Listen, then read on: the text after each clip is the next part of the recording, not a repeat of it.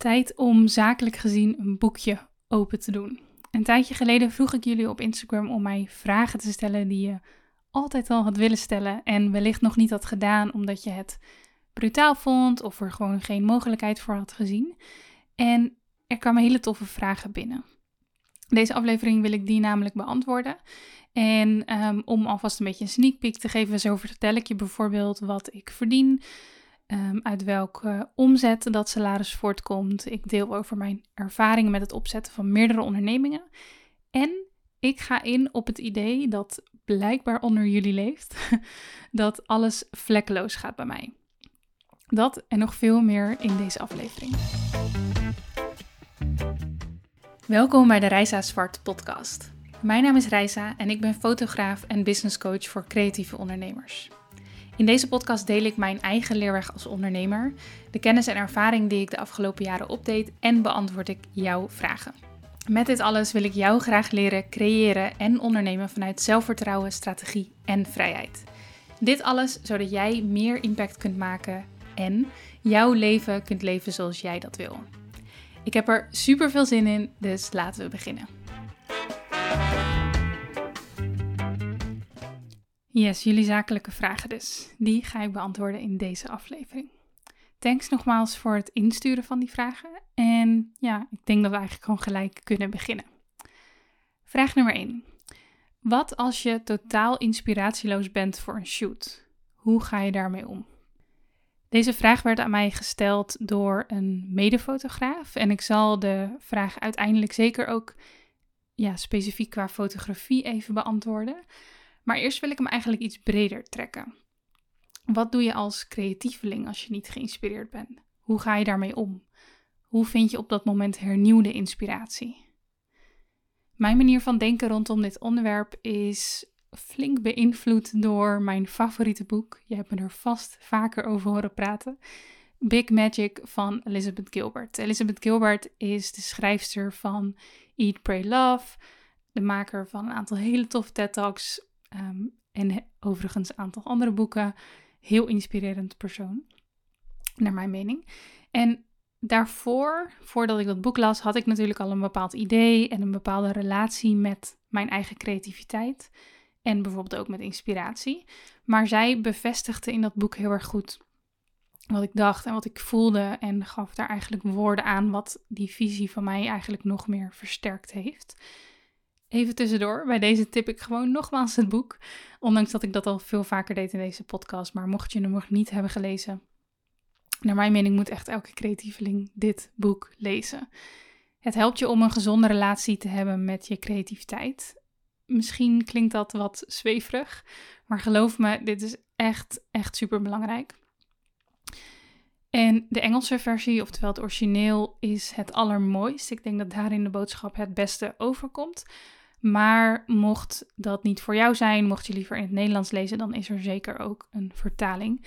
Dus check die even. Ehm, ik zal hem zoals altijd ook even uh, tippen, even linken hier in de, in de show notes, in de omschrijving van deze podcastaflevering. Anyway, Elizabeth Gilbert gelooft dat inspiratie komt wanneer je actie onderneemt. Ze erkent dat er een bepaalde staat van in een flow zijn bestaat, die we als creatieveling soms meemaken. Dus ja, die flow en dat, dat het stroomt en dat je eigenlijk heel snel allerlei nieuwe ideeën hebt en creëert en dat het soort van effortless gaat. Maar zij zegt ook, eigenlijk is dat vrij uitzonderlijk. De rest van de tijd zul je gewoon aan het werk moeten gaan. En de ene keer komt de inspiratie wel, de andere keer niet. Of het duurt even voordat hij er is. Soms moet je er wat harder aan trekken. En dat is allemaal oké. Ja, zo sta ik er dus zeker ook in. Ik ben zelf heel actiegericht. En ervaar ook heel erg dat wanneer ik aan de slag ga, dat er uiteindelijk ja, vanzelf, nou vanzelf is dus eigenlijk niet het goede woord, maar dat als ik aan de slag ga, als ik actie onderneem, dat er uiteindelijk wel inspiratie komt. En als ik heel erg ergens tegen opkijk, wat ik zeker wel kan hebben. Stel dat ik bijvoorbeeld een podcast moet opnemen. Ja, soms heb ik daar super veel zin in. Soms denk ik let's go. Soms voel ik wat onzekerheid of kijk ik er tegenop. Um, ben ik bang dat ik geen ideeën heb of iets dergelijks. Um, dat komt sterker naar voren wanneer ik bijvoorbeeld een lezing moet voorbereiden. Als ik uiteindelijk aan de slag ga, dan komen de ideeën, maar daarvoor zit een soort van drempel die ik over moet om eraan te beginnen. Misschien herken je dat wel. En als ik die drempel heb en me dus, ja, ik denk dat je dat eigenlijk kunt definiëren als je inspiratieloos voelen, dan weet ik tegenwoordig gewoon heel goed uit ervaring dat ik gewoon aan de slag moet gaan en dat het dan vanzelf wel komt. En er is trouwens een hele mooie quote waar ik altijd aan moet denken als ik hierover praat. Die is van Chuck Close en dat is een Amerikaanse schilder en fotograaf. En hij benoemt het eigenlijk heel mooi. Hij zegt: Inspiration is for amateurs. The rest of us just show up and get to work. If you wait around for the clouds to part and a bolt of lightning to strike you in the brain, you are not going to make an awful lot of work. All the best ideas come out of the process. They come out of the work itself. Dat is. Dat is eigenlijk punt nummer 1, gedachte nummer 1 die ik met je wil delen rondom inspiratie. Ga aan het werk en die inspiratie komt vanzelf. Gedachte of idee nummer 2 die ik eigenlijk aan je mee wil geven rondom dit thema gaat over input en output. Alles dat we als mensen maken is gebaseerd op de input die we daarvoor hebben gehad. Dus input is de content die je dagelijks tot je neemt, zoals je Instagram feed, het werk van anderen die je daar volgt, maar ook de muziek die je luistert, de gesprekken die je hebt, het nieuws dat je wel of niet leest, de films die je kijkt, de musea die je bezoekt. En eigenlijk elk detail van jouw leven kan uiteindelijk als inspiratie en als input dienen. En ik probeer dus over het algemeen goed te letten op wat ik wel tot me neem en wat ik niet tot me neem. Ze zeggen wel eens input is output op het gebied van creativiteit en op het gebied van ja, creëren en inspiratie. En dat houdt eigenlijk in dat ik probeer zo min mogelijk negativiteit tot me te nemen en op me in te laten werken. En voornamelijk zoveel mogelijk interessante, waardevolle en mooie dingen op zoek. Ehm, dat betekent overigens niet dat ik heel erg in een naïeve bubbel leef. Soms overigens wel. En ik denk dat dat ook wel oké is als um, creator, als kunstenaar, als beeldmaker, als creatieveling. Dat dat ook echt nodig is. Ehm, ik vind het daarbij wel belangrijk om natuurlijk op de hoogte te blijven van wat er gebeurt. Maar dan lees ik bijvoorbeeld liever een in-depth artikel ergens over. Of ik luister een podcast over een bepaald onderwerp dan dat ik ja, elke dag het nieuws lees en het heel erg belangrijk vind dat ik elk, elk detail, elk nieuwsbericht tot me neem. Oh, dat was even best wel specifiek, even terzijde. Um, een ander ding is dat ik bijvoorbeeld niet te veel werk van collega's wil zien, omdat ik heel erg graag wil dat mijn werk niet een 13 in een dozijn um, ja, werk is. En dat geldt zowel voor fotografie als de educatie als de coachingkant. Ik blijf zeker wel in contact met mijn collega's zoals ik dat zie.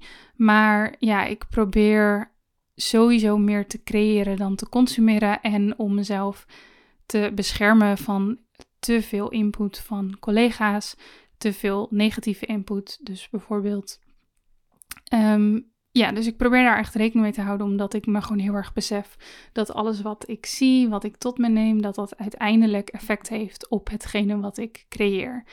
En ik heb een bepaald beeld bij wat ik wil creëren en de input die daarbij hoort. En eh, ja, ik probeer dit goed over te brengen. Dit is natuurlijk niet een super exact proces en dit mag ook speels zijn. Je hoeft hier niet volledige controle over te hebben. Maar ik denk wel dat het tof is om te weten dat het zo werkt en je dat soms gewoon net iets vaker te beseffen. En dan voornamelijk actief op zoek te gaan naar de juiste input. De input die jou tot nieuwe ideeën kan brengen. En die ehm, ja, past bij de visie die jij hebt voor jouw werk. Um, en ja, wat betreft dat volgen van collega's, ik weet dat dat soms een beetje een punt kan zijn wat mensen lastig vinden, omdat ze natuurlijk wel in contact willen blijven. En dat, dat snap ik heel goed. En nogmaals, dat, dat ben ik ook zeker wel. Maar er is alsnog wel een verschil in ja, de hele dag andermans werk zien en jezelf misschien ook op een oneerlijke manier vergelijken. Um, ja, en al die onzekerheden die daar soms bij, uh, bij, uh, bij komen kijken. En gewoon op een gezonde manier in contact zijn met je collega's zonder constant hun, hun output eigenlijk jouw input te maken. Ik hoop dat je snapt wat ik bedoel. En ja, heel eerlijk, ik zit soms echt best wel in een bubbel. Bepaalde periodes of gewoon op bepaalde thema's. Ehm, heel vaak ehm, moet ik heel eerlijk toegeven als ik met collega's praat. Of dat nu fotografen of coaches zijn. Of um, ja, andere creatievelingen die ik volg. Dat ik vaak niet weet waar zij exact mee bezig zijn geweest. En um, ja, dus soms gaan ze ervan uit dat ik iets weet en dan weet ik dat niet. Maar dat leidt eigenlijk nooit tot um, vervelende situaties. Sterker nog, misschien vind ik het juist zo heel erg interessant dat je dan meer hebt om op dat moment over te praten. Um, en ik denk dat het uiteindelijk dus gewoon echt waard is om jezelf iets naïver in die bubbel te zetten, eigenlijk als dat kan. Dus denk daar ook goed over na, ja, wat jij daarmee wil.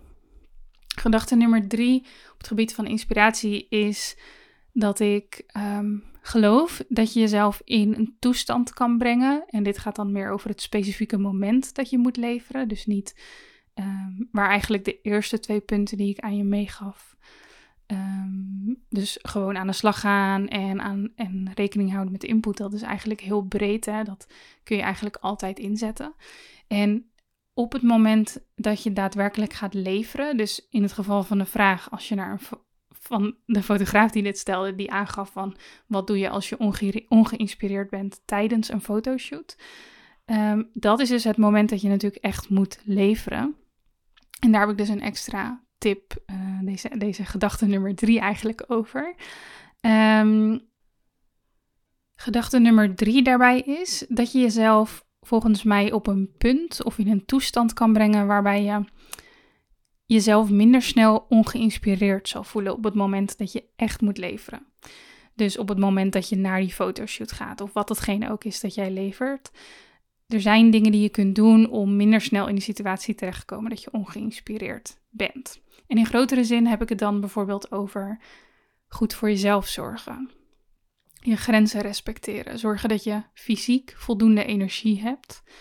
Um, ik denk ook niet te veel willen werken en maken. Dus niet altijd maar output willen creëren, maar jezelf daar ook wat rust in geven. En ja, dus bijvoorbeeld jezelf ook periodes gunnen van rust op werkgebied. Deze kunnen we ook iets specifieker bekijken. Um, even ingaand op de, de specifieke vraag die gesteld werd. Hè? Wat, wat doe je als je onge ongeïnspireerd bent tijdens een shoot? Um, nou ja, we hebben dus een aantal wat, wat bredere concepten gehad. Specifiek gezien kan ik mezelf de dag van een shoot of de uren voor een shoot ook beïnvloeden om geïnspireerder te zijn. En hoe ik dat bijvoorbeeld doe, is door hele fijne muziek te luisteren als ik richting een shoot uh, rijdt. Dat helpt me al heel erg. En ook door van tevoren te visualiseren wat ik wil maken. Dus dan, nou ja, stel ik moet een uurtje rijden naar een shoot. Dan um, zet ik een fijn muziekje op, bijvoorbeeld voor het eerste half uur, 40 minuten. En daarna zet ik hem meestal uit. En dan ga ik nadenken over wat ik precies wil maken. Dus ik, nou ja, ik weet natuurlijk naar wat voor locatie we gaan. Uh, misschien ben ik er wel al geweest, misschien niet, maar ik heb natuurlijk wel een beeld bij wat de locatie is. En dan ga ik nadenken, oké, misschien kan ik zo'n soort beeld maken en zo'n soort beeld. En oh, dan begin ik met dit. Um, dan begin ik, ik begin mijn shoots bijvoorbeeld heel vaak met een stukje lopen. Um, sowieso een stukje lopen naar de locatie toe waar we starten met fotograferen, zodat ik um, de mensen die ik ga fotograferen wat beter kan leren kennen of kan bijkletsen als ik ze al ken. Maar ook als we op de locatie zelf echt zijn waar we gaan beginnen, dan laat ik mijn modellen, uh, laten we ze zo even noemen, laat ik eerst een stukje lopen. Um, nou ja, wat makkelijkere poses. En dan maak ik het eigenlijk steeds wat specifieker. En kijk ik steeds of we creatief gezien wat verder kunnen gaan eigenlijk. En dat soort dingen bedenk ik dus al van tevoren. En het is niet zo dat ik een exacte shotlist helemaal in mijn hoofd heb. Um, ik visualiseer eigenlijk wat er allemaal mogelijk kan zijn. En dat kan wel vrij specifiek zijn hoor. Van oké, uh, we zijn straks nou, op het strand. Ik ben vaak op het strand met mijn shoots. Dan kan ik eerst, kan ik um, het, stel dat ik ga fotograferen, ik maak het even heel concreet. Kan ik een stukje van mij af laten lopen? Oké, dan kan ik ze daarna een stukje op mij, naar mij toe laten lopen. Daarna lopen we nog een stukje, laat ik ze een, een duin beklimmen of laat ik ze richting de zee lopen. Daarna wil ik een uh, soort spelletje met hun doen waarbij ik probeer om wat meer emoties bij hun naar boven te laten komen. Um, en dan kijk ik hoe dat gaat, of ik daar verder in wil gaan, of dat ik een andere kant op met ze wil. Um, op een gegeven moment uh, kunnen, we, kunnen we de zee in, worden de broekspijpen opgerold en uh, de jurk omhoog gehouden. En laat ik hun ja, weer lopen waarschijnlijk. En misschien een beetje een soort van drunken walk doen, waarbij ze elkaar vasthouden en een beetje slingeren en dat soort dingen. En nou ja, zo kan ik dus echt van tevoren nadenken over die shoot. Vervolgens laat ik dat ook wel weer los en laat ik me heel erg meevoeren in wat op dat moment goed voelt. Alleen ik geloof wel dat het feit dat ik het gevisualiseerd heb, dat dat ervoor heeft gezorgd dat mijn creativiteit eigenlijk gekickstart is en dat ik die shoot al geïnspireerder begin. Um, ja, ik denk dat dat de dingen zijn die ik uh, mee wilde geven als antwoord op deze vraag. Um, eigenlijk maakte ik hem natuurlijk pas aan het einde specifiek, dus ik hoop dat jullie er allemaal iets aan hebben als creatieve ondernemers. En ook die laatste, dus dat visualiseren en jezelf in eigenlijk een soort van de juiste mood krijgen voordat je gaat leveren. Dat kun je natuurlijk, welk beroep je ook hebt, kun je op jezelf betrekken. Dus ja, misschien is dit gelijk wel een goed moment om eens voor jezelf na te denken hoe jij dat zou kunnen doen. En mocht je dit heel lastig vinden, ik denk dat het uiteindelijk gewoon een kwestie is van experimenteren. En wat ook altijd heel erg helpt, eigenlijk in alle gevallen, is kijken wat je niet wil. Dus misschien ben jij wel eens heel ongeïnspireerd aan iets begonnen, uh, aan daadwerkelijk leveren aan je klant. En misschien kun je dan eens terughalen wat er in de momenten voor dat ongeïnspireerde moment gebeurd is. Of er misschien iets was. Misschien had je stress bijvoorbeeld, omdat je bijna te laat zou gaan komen. Of misschien, um, geen idee, had je te veel klanten op een dag. Um, kan van alles zijn. Dus denk eens terug aan wanneer het misschien beter had gekund. En denk na over ja, welke dingen jij dus kunt doen om te zorgen dat je in een geïnspireerde staat bent eigenlijk en helemaal klaar om datgene te geven wat jij graag wil geven aan je klanten. Oké, vraag nummer twee. Werk je met een strategisch marketingplan? Alles lijkt zo vlekkeloos te gaan bij je. Dit stuurde iemand mij dus op Instagram. En ik denk dat het goed is om eerst even dat stukje vlekkeloosheid te adresseren. Spoiler alert, dat is natuurlijk niet zo. Ik ben in, ben in mijn ondernemersreis absoluut tegen dingen aangelopen. Ik ben teleurgesteld geweest. Ik heb doelen niet behaald. En naar aanleiding van deze vraag en opmerkingen die ik vaker krijg, besef ik me dat ik daar meer over moet gaan delen. En het is niet dat ik bewust niet deel over momenten waarop het minder gaat of wanneer iets niet lukt. Um, maar ik heb mezelf heel erg aangeleerd om niet vanuit directe emotie te delen, maar meer strategisch eigenlijk. En wat ik daarmee bedoel is dat ik iets vaak eerst wil doorleven, totdat ik weet hoe ik me erover voel en over wil voelen. Um, er waarschijnlijk een bepaalde les uit heb gehaald die ik dan met jullie kan delen. Omdat dat me dan het meest waardevol lijkt. En ja, omdat dat denk ik ook gewoon de manier is waarop ik met situaties omga. Ik weet nooit gelijk hoe ik me ergens over moet voelen. Um, ja, het duurt bij mij wat langer. En ik denk dat het ook een persoonlijkheidsding is. Um, maar ik wil niet de, um, de indruk wekken dat altijd alles maar vlekkeloos gaat. Als in, ik ben super dankbaar met hoe het gaat. En ik, het is ook echt wel jaren terug dat ik me kan herinneren dat er bijvoorbeeld echt een slechtere periode is geweest. Um, dat ik bijvoorbeeld een keer mezelf echt compleet overwerkt heb en dat soort dingen. Dat, ding, dat soort dingen gebeuren niet zo heel snel meer, omdat ik ja, daarvan geleerd heb. Maar goed, alsnog natuurlijk niet alles altijd vlekkeloos. En eigenlijk in dat proces dat ik dus dingen wil doorleven en dan de les met jullie wil delen, omdat ik dan denk, oh, dat is het meest waardevol. Dan gebeurt het soms dat ik hetgeen dat fout ging, of wat een obstakel was, of iets wat niet vlekkeloos ging, dat ik dat soort van vergeet te vertellen omdat ik daar al niet meer op ben gefocust in mijn hoofd. Dus een soort van Ehm, ja, dat ik soms wacht tot dingen een interessant verhaal zijn. Ehm, en daarna dat mijn mindset alweer verder is. Dat ik niet meer aan dat negatieve denk of iets dergelijks. En ik dat dan dus niet deel. Ehm, en ik besef me dat daar wel iets zit. Dat ik daar wel misschien beter in kan worden. goed, bij deze niet alles gaat vlekkeloos. Ik heb ook nog wel eens een moment dat ik mezelf toch een beetje te druk heb ingepland. Um, dat een lancering tegenvalt. Um, om nog iets te delen wat laatst eigenlijk is gebeurd. Jullie hebben, of je hebt wellicht mijn aflevering geluisterd over het stuk landkopen in Costa Rica. Ik heb daar wel iets benoemd over onzekerheden en tegenslagen. Maar wat ik eigenlijk niet heb verteld, en nogmaals, dat is niet expres. Um, maar dat is dat we eigenlijk voordat deze deal doorging, waar ik, in vertel, uh, waar ik over vertel in die aflevering. Dat is twee afleveringen geleden, als ik het goed zeg. Dat is nummer 43.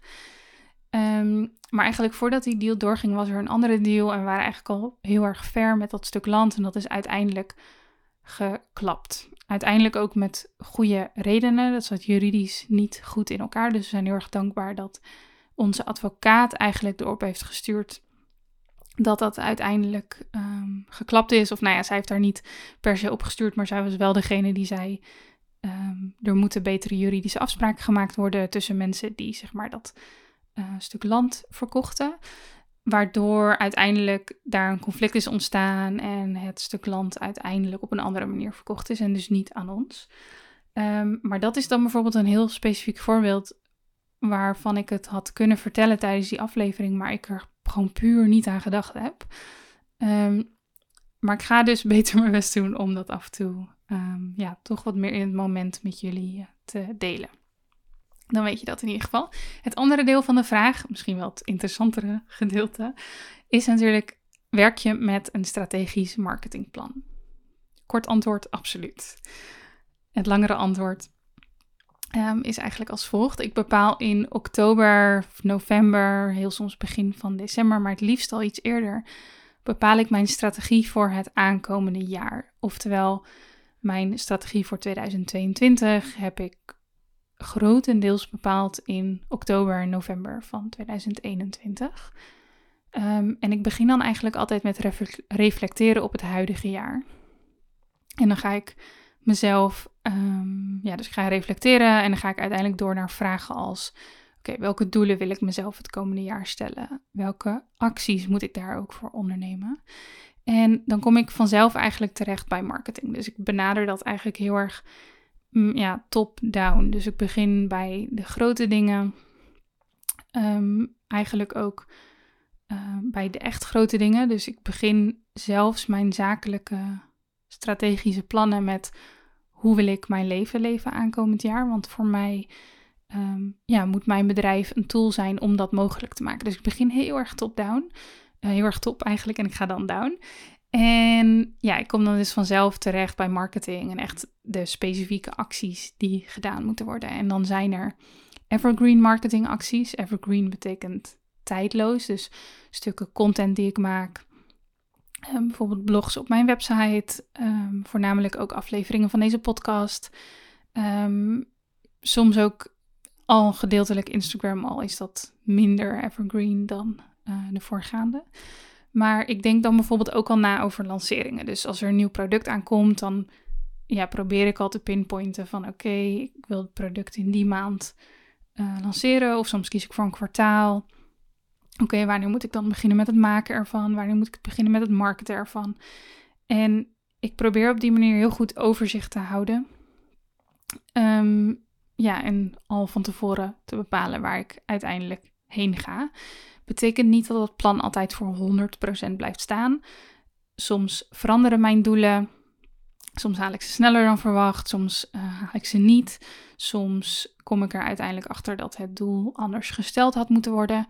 Of ehm, ja, merk ik dat ik het bijvoorbeeld toch te druk heb om iets nieuws op te zetten. En dan verschuif ik dat ook gerust. Omdat mijn eigen leven en mijn zelfcare en dat soort dingen gewoon echt voorop staan. Dus ja, ik werk zeker met een strategisch marketingplan. En dit is eigenlijk een, uh, een stukje daarvan. Ehm, als je nu precies wil weten hoe ik dit doe, hoe ik strategisch plan met name, dus hoe ik mijn doelen stel, maar vooral ook hoe ik een manier heb gevonden waarop ik er naartoe kan werken. Die ervoor zorgt dat er daadwerkelijk resultaten behaald worden. Dus dat ik niet, zoals heel veel ondernemers, vast kom te zitten in de dagelijkse to-do's. Als je dat wil weten, dan ehm, wil ik je graag verwijzen naar mijn masterclass strategisch plannen. Ik zal die sowieso ook even linken in de show notes. Mocht je direct al een kijkje willen nemen, dat kun je doen op reisazwart.com slash strategisch plannen. Gewoon aan elkaar. Dus reisazwart.com slash strategisch plannen. Die gaat dus echt over dat planstukje, strategisch plannen. En ik geloof dat dat echt een ja, een kernelement van het ondernemerschap is die ontzettend vaak wordt onderschat. Dus zeker een aanrader om die even te checken. Ehm, op het moment dat ik deze podcast opneem, dus dat is juli 2022, ben ik bezig met een vernieuwde versie. Die komt in het najaar uit. Dus ja, check even die uh, pagina strategisch plannen. Daar kun je de versie van nu aanschaffen als je dat wil, maar je kunt je ook inschrijven voor de wachtlijst voor de vernieuwde versie. En als je al wil beginnen, kun je ook gewoon de oude versie of de huidige versie kopen. En dan krijg je uiteindelijk sowieso de upgrade naar de nieuwe.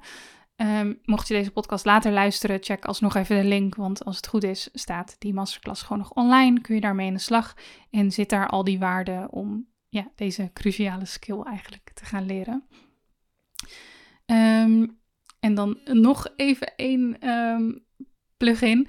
Mocht je juist meer willen weten over hoe je beter kunt verkopen, dus niet per se het plangedeelte, maar meer hoe je inhoudelijk gezien lanceringen vormgeeft, hoe je um, ja, zorgt voor een effectieve evergreen marketingstrategie, dus dat, dat tijdloze waar ik het net over had, dan heb ik ook iets heel erg leuks.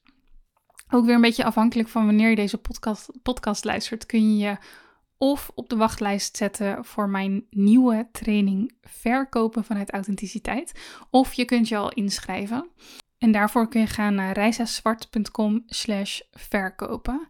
Op het moment van opnemen moet ik deze training nog maken, maar ik weet nu al dat dit echt super waardevol gaat worden en ik ga daar heel veel vragen in beantwoorden die ik eigenlijk wekelijks krijg. Dus ja, dat wordt uh, heel tof. Oké, verder met de vragen. Dit wordt trouwens best een lange aflevering, merk ik nu. Ik probeer het zo compact mogelijk te houden, maar volgens mij is het in ieder geval heel, uh, heel waardevol. Vraag nummer drie. Hoe deel of deelde je jouw tijd in bij het opzetten van meerdere bedrijven? Nou, vond ik ook een supergoeie vraag waar ik graag meer over deel. Er is namelijk, naar mijn idee, een hoop discussie, of eigenlijk een soort van twee kampen, als het aankomt op meerdere dingen doen of meerdere bedrijven runnen. En de ene kant zegt eigenlijk, je moet focussen op één ding. Echt dat ene ding. En uh, daar beter in worden, daar volledig op focussen. Nou ja, dat hele verhaal. En de andere kant zegt, je kunt gerust meerdere dingen tegelijk doen. En misschien is het zelfs beter om niet afhankelijk te zijn van één ding. Ik zie het niet zo heel erg zwart-wit. Eigenlijk zie ik dingen altijd vrij genuanceerd. Misschien geen verrassing voor je. Maar ik denk oprecht dat er voor beide iets te zeggen valt en dat de keuze een hele persoonlijke is. Sommige creatievelingen worden namelijk heel erg blij van één ding doen, daar volledig op focussen. En ik heb super veel respect voor mensen die dat kunnen. Ik zie die mensen heel snel groeien, heel snel heel goed worden in hun vak. En ik vind dat ontzettend tof. Alleen zelf merk ik dat ik anders in elkaar zit. En dat ik eigenlijk veel meer geniet van wat meer diversiteit in mijn werk. Ik doe coaching, ik zit in de e-learning, ik doe reisfotografie, commerciële fotografie, reisfotografie. Soms zelfs wat contentcreatie in de vorm van gastartikelen voor reis- of fotografie magazines. En ja, ik ga hier eigenlijk heel erg goed op. Een belangrijk ding om daarin te benoemen is wel dat ik niet alles tegelijk heb opgezet. En ik zou dus ook altijd mensen aanraden om gefocust te beginnen. Dus met één project, met één bedrijf. Daar echt goed in te worden en dan vervolgens pas een verdere stap te maken. Uh, iets anders op te bouwen als je dat wil. Ik ben zelf ook zeker vier jaar lang alleen fulltime fotograaf geweest. Voordat ik langzaamaan, echt heel langzaam, wat mentoring begon te doen. Dus ik had ja, in die jaren heb ik me gewoon zo gefocust, heb ik een naam voor mezelf gevestigd en systemen opgezet en dat soort dingen. En dan kun je voor mijn gevoel ook echt pas verder. En als je gelijk jezelf in allerlei verschillende richtingen en bedrijven en projecten stort, dan zie je eigenlijk vaak dat de groei langzamer is. En dat is sowieso wel een nuance die ik hierin wil geven. Mensen die zich heel erg durven te focussen op één ding, groeien vaak sneller dan mensen die zich focussen op meerdere projecten. En dat geldt niet alleen voor startende ondernemers, maar dat geldt ook voor ondernemers die al een tijdje bezig zijn. Ik weet zeker dat wanneer ik mij op één ding zou focussen, dat ik nog veel sneller zou kunnen groeien dan dat ik nu doe. Maar ik ben eigenlijk heel erg blij met hoe ik groei. En dus met die diversiteit in mijn werk. Dus dat is een hele persoonlijke keuze. En ja, volgens mij moet iedereen daar dus ook gewoon goed zelf over nadenken om erachter te komen wat je daarin wil doen. Zal ook wat ervaring voor nodig zijn, misschien wat fouten maken en dat soort dingen. Dat is helemaal oké. Ik heb verder nog twee snelle praktische tips voor als je meer dingen doet. En dat is eigenlijk het antwoord op de vraag. Maar ik wilde toch ook even die, die backstory geven. Ehm, als je meerdere dingen doet, als je meerdere bedrijven hebt, meerdere projecten hebt, dan moet je echt des te meer scherp blijven op je prioriteiten. En dan is dat strategisch plannen eigenlijk nog veel belangrijker dan wanneer je op één ding focust. Zelf werk ik bijvoorbeeld ook niet altijd aan alle projecten die ik heb lopen, maar telkens focus ik qua groei echt op één of twee van die projecten, terwijl de rest vooral onderhouden wordt. En dat is waarom ik ja, de meer passieve inkomstenstromen ook zo interessant vind. Want daar kun je dat heel erg goed in doen. Daar kun je een tijdje ergens heel erg op focussen. En als dat dan staat, dan kan het eigenlijk geld voor je blijven creëren. Dan kan het mensen blijven helpen. Kan het op zichzelf staan voor een tijdje. Met waarschijnlijk minimale effort. Terwijl ik me dan kan focussen op iets anders. En dan na een tijdje kom ik waarschijnlijk weer terug op dat eerste project. Wat ik dan wil verder, verder wil brengen. En ja, ik vind dat dus persoonlijk een hele fijne manier van werken. Het tweede snelle praktische tip is werken met themadagen. Probeer je week in te delen op basis van thema's of projecten, in plaats van elke dag alles door elkaar te doen. Dus ik heb echt een, een fotografie en een editdag. Ik heb een coachingdag. Eén of twee heb ik er in de week. Ik heb een dag dat ik werk aan storytellers en ik heb een dag dat ik werk aan andere passieve inkomstenbronnen. Dus de ene keer is dat print on demand, andere keer zijn dat mijn online cursussen. Uh, dus zo deel ik eigenlijk mijn weken in. En soms trek ik ook wel bepaalde sprints. Dat wil zeggen, ik heb je bijvoorbeeld net verteld over die training verkopen vanuit authenticiteit die ik ga maken. En ik heb bijvoorbeeld nu al in mijn agenda 2,5 week, geloof ik, ingepland. Om zoveel mogelijk aan die training te gaan werken. Dat is pas in december en januari dat ik dat doe. Maar ik weet al dat die weken dat ik eigenlijk volledig focus op het maken en het verkopen van die training. En dan zijn er heus wel andere soort van bijhoudklusjes die ik moet doen. Dus wat administratie, mijn virtual assistant af en toe op weg helpen rondom mails die zij beantwoordt. Eh, de storyteller community heeft ook mijn aandacht nodig. En dat is ook oké. Dat is ja, bij elkaar misschien maximaal een 20 minuten per dag. En de rest van de dagen, van de werkdagen, van de werkuren, kan ik me focussen op het maken en verkopen van die training. Ja, dus die themadagen werken heel goed, die sprints werken heel goed. En ja, gewoon regelmatig uitzoomen en kijken wat je prioriteit heeft. Dat zijn volgens mij drie dingen die heel erg belangrijk zijn als je meerdere projecten hebt of meerdere bedrijven wil voeren. Dan was er nog een vraag die eigenlijk een beetje daarop volgde, daar een beetje mee te maken heeft. Iemand vroeg namelijk: hoe houd je controle op deadlines en zorg je dat deadlines niet overlappen? Ja, volgens mij heb ik dat in de laatste twee vragen, um, dus over meerdere bedrijven en over het uh, voeren van strategisch marketingplan, heb ik dat volgens mij redelijk beantwoord. Um, naar aanleiding van deze vraag kwam ik wel nog op een aanvulling daarop.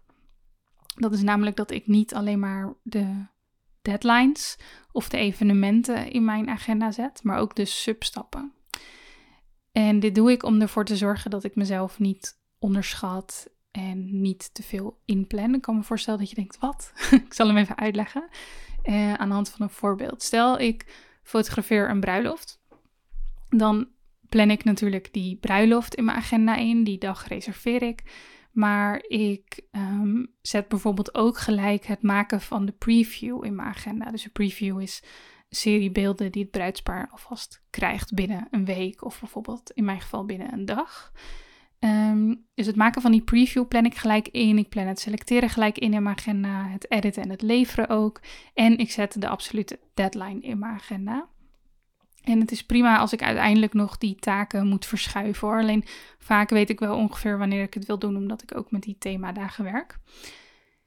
Het ding is, als je alleen die bruiloft in je agenda zou zetten, dan lijkt het, zeker maanden van tevoren, lijkt het alsof je niet zoveel te doen hebt. Trust me, I've been there. Dit is de manier waarop ik mezelf uiteindelijk overwerkt heb. Is naar mijn agenda kijken en denken, oh, er staan maar een paar dingen. Om er vervolgens achter te komen dat er zoveel meer bij komt kijken. En dat weet je, maar toch denk ik dat we onszelf daar vaak in overschatten. Dat we eigenlijk denken, oh, het, het lukt allemaal wel. Of dat we het werk onderschatten. Het is maar net hoe je het wil noemen. Ehm, en dan blijf je eigenlijk dingen inplannen en dan gaat het vaak fout. Dit is wat ik bij heel veel ondernemers zie. En zeker ook de valkuil waar ik zelf heel soms nog intrap. Maar waar ik zelf zeker steeds beter in word. En dit geldt niet alleen maar voor bruiloft. Hè. Ehm, hetzelfde doe ik bijvoorbeeld met de workshops die ik geef of met sprekersopdrachten. Dan weet ik van oké, er komt een deadline aan, namelijk de natuurlijke deadline van het, er is een evenement waar ik moet spreken of ik organiseer een workshop op die dag. En dan kan ik direct al dagen of dagdelen inplannen om mezelf voor te bereiden. Hetzelfde als ik een online training ga maken. Dat heb ik je net ook uitgelegd. Die verkopen vanuit authenticiteit. Dat is al ingepland in mijn agenda. Ehm, ik weet dat ik ja, tijd nodig heb om te brainstormen, om teksten te schrijven, video's te maken, de marketingcampagne op te zetten. Dus die dingen kan ik eigenlijk allemaal inplannen. Of ik hoef dat niet per se zo concreet te doen, maar ik kan wel zeggen: oké, die weken werk ik eraan. En hoe meer ervaring je hebt met bepaalde werkzaamheden en projecten, des te beter je wordt in dit alles inschatten. Ik kan me heel goed voorstellen dat je ja, bij nieuwe projecten of als beginnend ondernemer dat het best wel lastig is. Maar betekent niet dat je het dan maar niet moet doen. Ik denk dat je eigenlijk altijd wel een educated guess kan maken. Dus dat je voordat je een project aanneemt of een project start, Ehm, of een opdracht aanneemt, dat je eens goed uitschrijft: oké, hoeveel uur denk ik nu dat hier daadwerkelijk in gaat zitten? En dan kan je super erg naast zitten. Dat weet je uiteindelijk alleen maar door ervaring. En mocht je het dan alsnog moeilijk vinden, dan moet je misschien een keer je uren gaan bijhouden om te kijken hoe dit zit. Maar ja, beter dat je die educated guess maakt en dat je er een beetje naast zit, dan dat je dus alleen maar het evenement uh, of de meeting of ja, wat dan ook de, de deadline inplant in je agenda en jezelf daardoor gaat overschatten. Zoals je misschien merkt aan de hand van deze antwoorden die ik geef, besteed ik best veel aandacht aan plannen. En nogmaals, dat is belangrijker als je meerdere dingen tegelijk doet. Maar ja, volgens mij is strategisch plannen echt, dit meen ik echt, een van de belangrijkste skills voor een ondernemer die ontzettend onderschat wordt. Ik hoor zoveel mensen die maar gevangen blijven in die to-do's, die gefrustreerd raken omdat ze hun doelen niet behalen. En er zijn meerdere redenen om een doel niet te behalen. Soms is een doel ook niet eens om te behalen, denk ik. Soms geeft het je alleen maar richting. Maar volgens mij, in het grootste gedeelte van al die gevallen, is het te wijten aan, no offense, slechte planning. Dus zorg dat je hier beter in wordt, want dat gaat je echt enorm ver brengen. En het is niet alleen maar belangrijk voor je bedrijf, maar ook echt voor je privéleven, omdat je jouw eigen grenzen dan veel beter kunt gaan respecteren. En het is dus supergoed voor je bedrijf en voor jou als persoon. Goed, we zijn er bijna hoor. Ik heb nog een paar financiële vragen die ik met je wil delen. Komt eigenlijk neer op wat verdien je? Dat is uh, de vraag die veel gesteld werd. Dus dat ga ik delen. Ik ga delen wat mijn omzet is, mijn kosten en mijn winst. Ehm, dat is het laatste waar we nog even induiken en dan ga ik de aflevering afsluiten. Oké, wat verdien ik? Tijd om dus antwoord te geven op die vraag. Wat is mijn omzet? Hoeveel kosten heb ik? Wat is mijn winst? Wat is mijn salaris? Die dingen. Allereerst wil ik even zeggen, ik vind het echt superleuk om dit te delen. Ik ben trots op mijn cijfers. Ik denk ook dat er nog heel veel groei mogelijk is. Maar ik ben al heel erg blij en heel erg dankbaar voor het punt waar ik nu sta. Ehm, ja, had ik vroeger nooit gedacht, als ik heel eerlijk ben. Maar ja, superleuk om te delen dus. En goed om te weten is dat ik hier eigenlijk het liefst super transparant in ben. Ik, ehm, als mensen mij iets vragen over geld, dan ben ik eigenlijk, ja, ben een open boek. Ik praat daar ook graag over. Ehm, en nogmaals, ik ben dus ook trots. Maar ik vind soms, merk ik, lastig, zeker op Instagram, om daar dan heel vaak cijfers te noemen of iets dergelijks. Uh, omdat, ja, weet je, het moet wel vanuit de goede plek komen. Het moet niet zijn vanuit ego dat je dat deelt, maar het moet zijn om vanuit te helpen, naar mijn mening. En soms kan het denk ik op Instagram ja, toch sneller overkomen of sneller gebeuren ook dat het vanuit ego is. Dus vandaar wat ik heel erg tof vind om dat hier een keertje te doen en dat ik dat dan voornamelijk natuurlijk doe om je te inspireren, om te laten zien wat mogelijk is. Kijk, iedere branche en ieder vakgebied heeft natuurlijk weer eigen verdienmodellen en eigen tarieven die gangbaar zijn en dat soort dingen. Maar ik geloof wel dat er voor jullie allemaal, dus ook voor jou, veel meer mogelijk is dan dat je um, ja, waarschijnlijk tot nu toe hebt opgezet of dat je misschien ook denkt of gelooft. Um, ja, jij bepaalt uiteindelijk die grenzen. En ik hoop dat ik met deze podcast daar een stukje aan kan bijdragen. Dat je daar buiten durft te stappen. En nogmaals, ik heb niet alle wijsheid in pacht of iets dergelijks. Of, nou ja, ik, ik merk dat mezelf een beetje aan het indekken En dat hoeft ook helemaal niet. Um, ik hoop dat het je kan laten zien wat mogelijk is. En ja, het is ook gewoon leuk om te weten, toch? Ik vind het altijd wel, ik ben altijd wel benieuwd bij anderen inderdaad, hoe dat, uh, hoe dat zit. Um, ik heb gewoon maar even de jaarrekening erbij gepakt. Ik dacht dat zijn eigenlijk de meest duidelijke objectieve cijfers. Um, en dan zie ik dat ik in 2021 113.000 euro heb omgezet. En in 2021 155.000. Dus dat is mijn omzet geweest voor de jaren. En als je dat dan terugrekent naar um, per maand. Dat zegt misschien net iets meer. Dan hebben we het over uh, gemiddeld 13.000 euro omzet in 2021. Vorig jaar op het moment van opnemen. En daarbij heb ik ongeveer 2,5k, dus 2500 euro aan kosten. Um, ja, op jaarbasis komt dat uit op um, 33.000. Um, waar gaat dat dan naartoe? Nou, ik betaal best wel veel aan software. Zeker voor e-learning heb je best wel wat software nodig. Dus een, een e-mail um, marketing programma. Uh, de, de software waar mensen de, de online programma's en dat soort dingen in afrekenen. Die link ik trouwens hier ook in de, in de show notes. Dus mocht je daar benieuwd naar zijn welke programma's ik gebruik, dan vind je er daar een aantal. Wat voor software gebruik ik nog meer? Nou ja, allerlei automatiseringsdingen die uh, geld kosten. Ook bijvoorbeeld podcast hosting en dat soort dingen.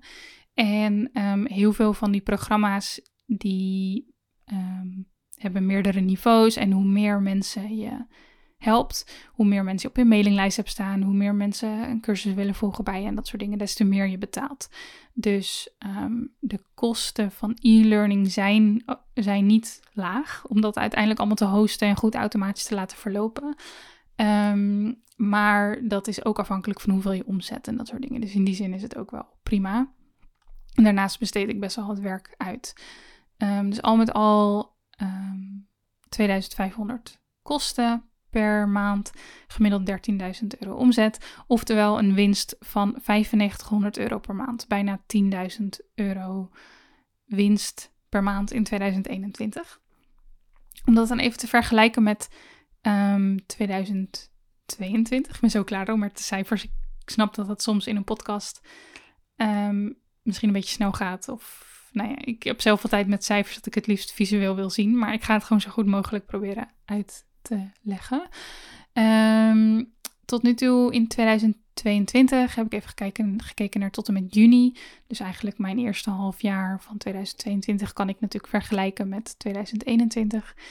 Um, ehm, en dan zie ik dat ik tot nu toe in dit jaar 84.000 euro heb omgezet. Oftewel 14.000 euro per maand aan omzet. dat mijn kosten nu rond de 3000 per maand liggen. En mijn winst dan rond de 11.000 per maand. Dus tot nu toe zijn de cijfers iets hoger dan vorig jaar. Niet belachelijk veel hoger, ehm, maar wel iets. Zo'n uh, eh, 10% laten we zeggen. In ieder geval de winst. En ik heb mijn uh, omzetdoel voor dit jaar ook op 160.000 staan. Vorig jaar was het 155.000, dus dat is eigenlijk maar een heel klein stapje. Eigenlijk soort van hetzelfde. Ik dacht het moet iets hoger zijn, ook in verband met inflatie en dat soort dingen. Um, ik heb hem op 160 gezet. Ik verwacht er wel iets boven te komen. Um, maar ik verwacht bijvoorbeeld ook dat in het najaar dat mijn gemiddelde omzet en winst iets lager zal zijn dan het eerste half jaar vanwege uh, de reizen die ik dan aan het maken ben. En heel veel dingen lopen dan natuurlijk door, omdat veel van mijn inkomstenbronnen wat passiever zijn, maar niet alles. Dus vandaar dat het iets lager is. Al met al dus niet super grote groei dit jaar. Dat was ook een bewuste keus. Um, ik heb hier eerder over gepraat. Ik geloof heel erg dat ondernemen in seizoenen gaat. En bij mij uitzicht dat heel erg in dat het ene jaar ik hele ambitieuze doelen wil stellen op zakelijk gebied. En dat ik het jaar daarna meestal wel prima vind om gewoon even te blijven zitten waar ik zit. En dat ik me dan vaak um, ja, op grotere uh, persoonlijke doelen focus, bijvoorbeeld. Dus um, ja, vind ik altijd wel fijn om op uh, die manier te doen. Volgend jaar wil ik echter wel weer een flinke sprong gaan maken op financieel gebied. Um, dat moet ook in verband met mijn salarisdoel, zoals je in aflevering 44 hebt kunnen horen. Um, dus ja, daar kijk ik ook wel weer naar uit om straks juist wel weer meer buiten die comfortzone te stappen en dat weer wat op te rekken. Om het verhaal dan nog even compleet en nog wat concreter te maken. Ik betaal mezelf uit een netto salaris uit van 4000 euro per maand. Um, dus daar is alles al af, hè? ook inkomstenbelasting, want dat laat ik binnen mijn bedrijf. Um, en daar komt dan nog bij dat ik mezelf per maand een winstuitkering doe van zo'n 1000 à 1500 euro per maand. Ik werk met de Profit First methode, dus van elk, uh, elke euro eigenlijk die binnenkomt, gaat er een percentage, namelijk 10%, naar de winstrekening. En um, ja, dat is apart van mijn salaris, dus dat is niet bedoeld voor vaste lasten, um, maar voor ja, iets wat ik daarmee wil doen. En eigenlijk gebruik ik die winstuitkering grotendeel, grotendeels, zo niet 100%, voor het investeren in bijvoorbeeld crypto en ETF's. Dus um, ja, om eigenlijk te investeren in mijn toekomstige financiële onafhankelijkheid. Dus ja, zo doe ik dat eigenlijk. Ik hoop dat dat uh, duidelijk is. Mocht je er nog vragen over hebben, weet dat je mij altijd een uh, ja, berichtje kan sturen op Instagram. Ik vond namelijk echt super leuk om dit sowieso eens te doen. Dit waren de vragen. Um, en wat mij betreft, ja, is dit wel voor herhaling vatbaar. Er komt sowieso nog een aflevering aan met wat meer uh, persoonlijke QA. Um, dus eigenlijk de vragen die ik ook ingestuurd kreeg, maar die meer gaan over mijn uh, privéleven, over mijn persoonlijke leven. En daarin ga ik het bijvoorbeeld hebben over mijn werk-privébalans. Mijn visie op reizen in combinatie met duurzaamheid werd ik naar gevraagd. Vind ik een hele toffe. En bijvoorbeeld ook over mijn financiële situatie toen ik net startte met mijn bedrijf. Dus die hebben jullie te goed. Die vind je in een toekomstige aflevering. En ja, nogmaals, als je vragen hebt, laat het me weten. Ik zou het sowieso wel leuk vinden als je een idee hebt voor een aflevering. Of als je een inhoudelijke vraag aan mij hebt, dat je die naar mij DM't. Um, Zwart op Instagram. Of dat je me mailt hello En dan kan ik vaker afleveringen baseren op jullie vragen. Niet altijd op deze manier waarin ik er een hele hoop beantwoord. Um, want het worden lange afleveringen, zoals ik merk. Um, zoals je merkt. Maar het lijkt me ook tof om gewoon ja, af en toe een hele aflevering te maken op basis van een vraag die binnenkomt. Dus wees niet verlegen. Neem contact met mij op. En dan kan ik deze content in de podcast afleveringen nog beter afstemmen op jouw behoeftes. Dus dat lijkt me tof. Nog een laatste kleine reminder. De links die ik benoemde in de aflevering kun je terugvinden in de show notes. Dus in de omschrijving in je podcast app. En ja, hopelijk tot de volgende aflevering. Thanks voor je aandacht en geniet van je dag. Wat ontzettend leuk dat je luisterde naar deze podcastaflevering. Dank je wel voor jouw vertrouwen en je tijd. Ik hoop natuurlijk dat ik je heb mogen helpen en dat deze podcastaflevering iets voor je heeft kunnen doen. En als dat zo is, dan zou ik je willen vragen om één ding voor mij terug te doen. Als ik je geraakt heb, als ik je heb geïnspireerd, als ik je heb geholpen, als ik misschien je dag of je wandeling een stukje mooier heb gemaakt, zou je dat dan misschien willen delen met anderen? Reviews of beoordelingen in de Apple Podcast app of Spotify zijn bijvoorbeeld super waardevol voor mij. Want zo helpen we meer ondernemers kennis te maken met deze podcast. En kan ik mijn kennis en ervaring en inspiratie delen met nog meer mensen. Een berichtje op social media is natuurlijk ook super waardevol. Als je dat doet, tag mij even, dan kan ik het reposten. En mocht je vragen hebben of feedback willen doorgeven, dan kan dat altijd via een DM of een mail. Thanks en hopelijk tot de volgende aflevering.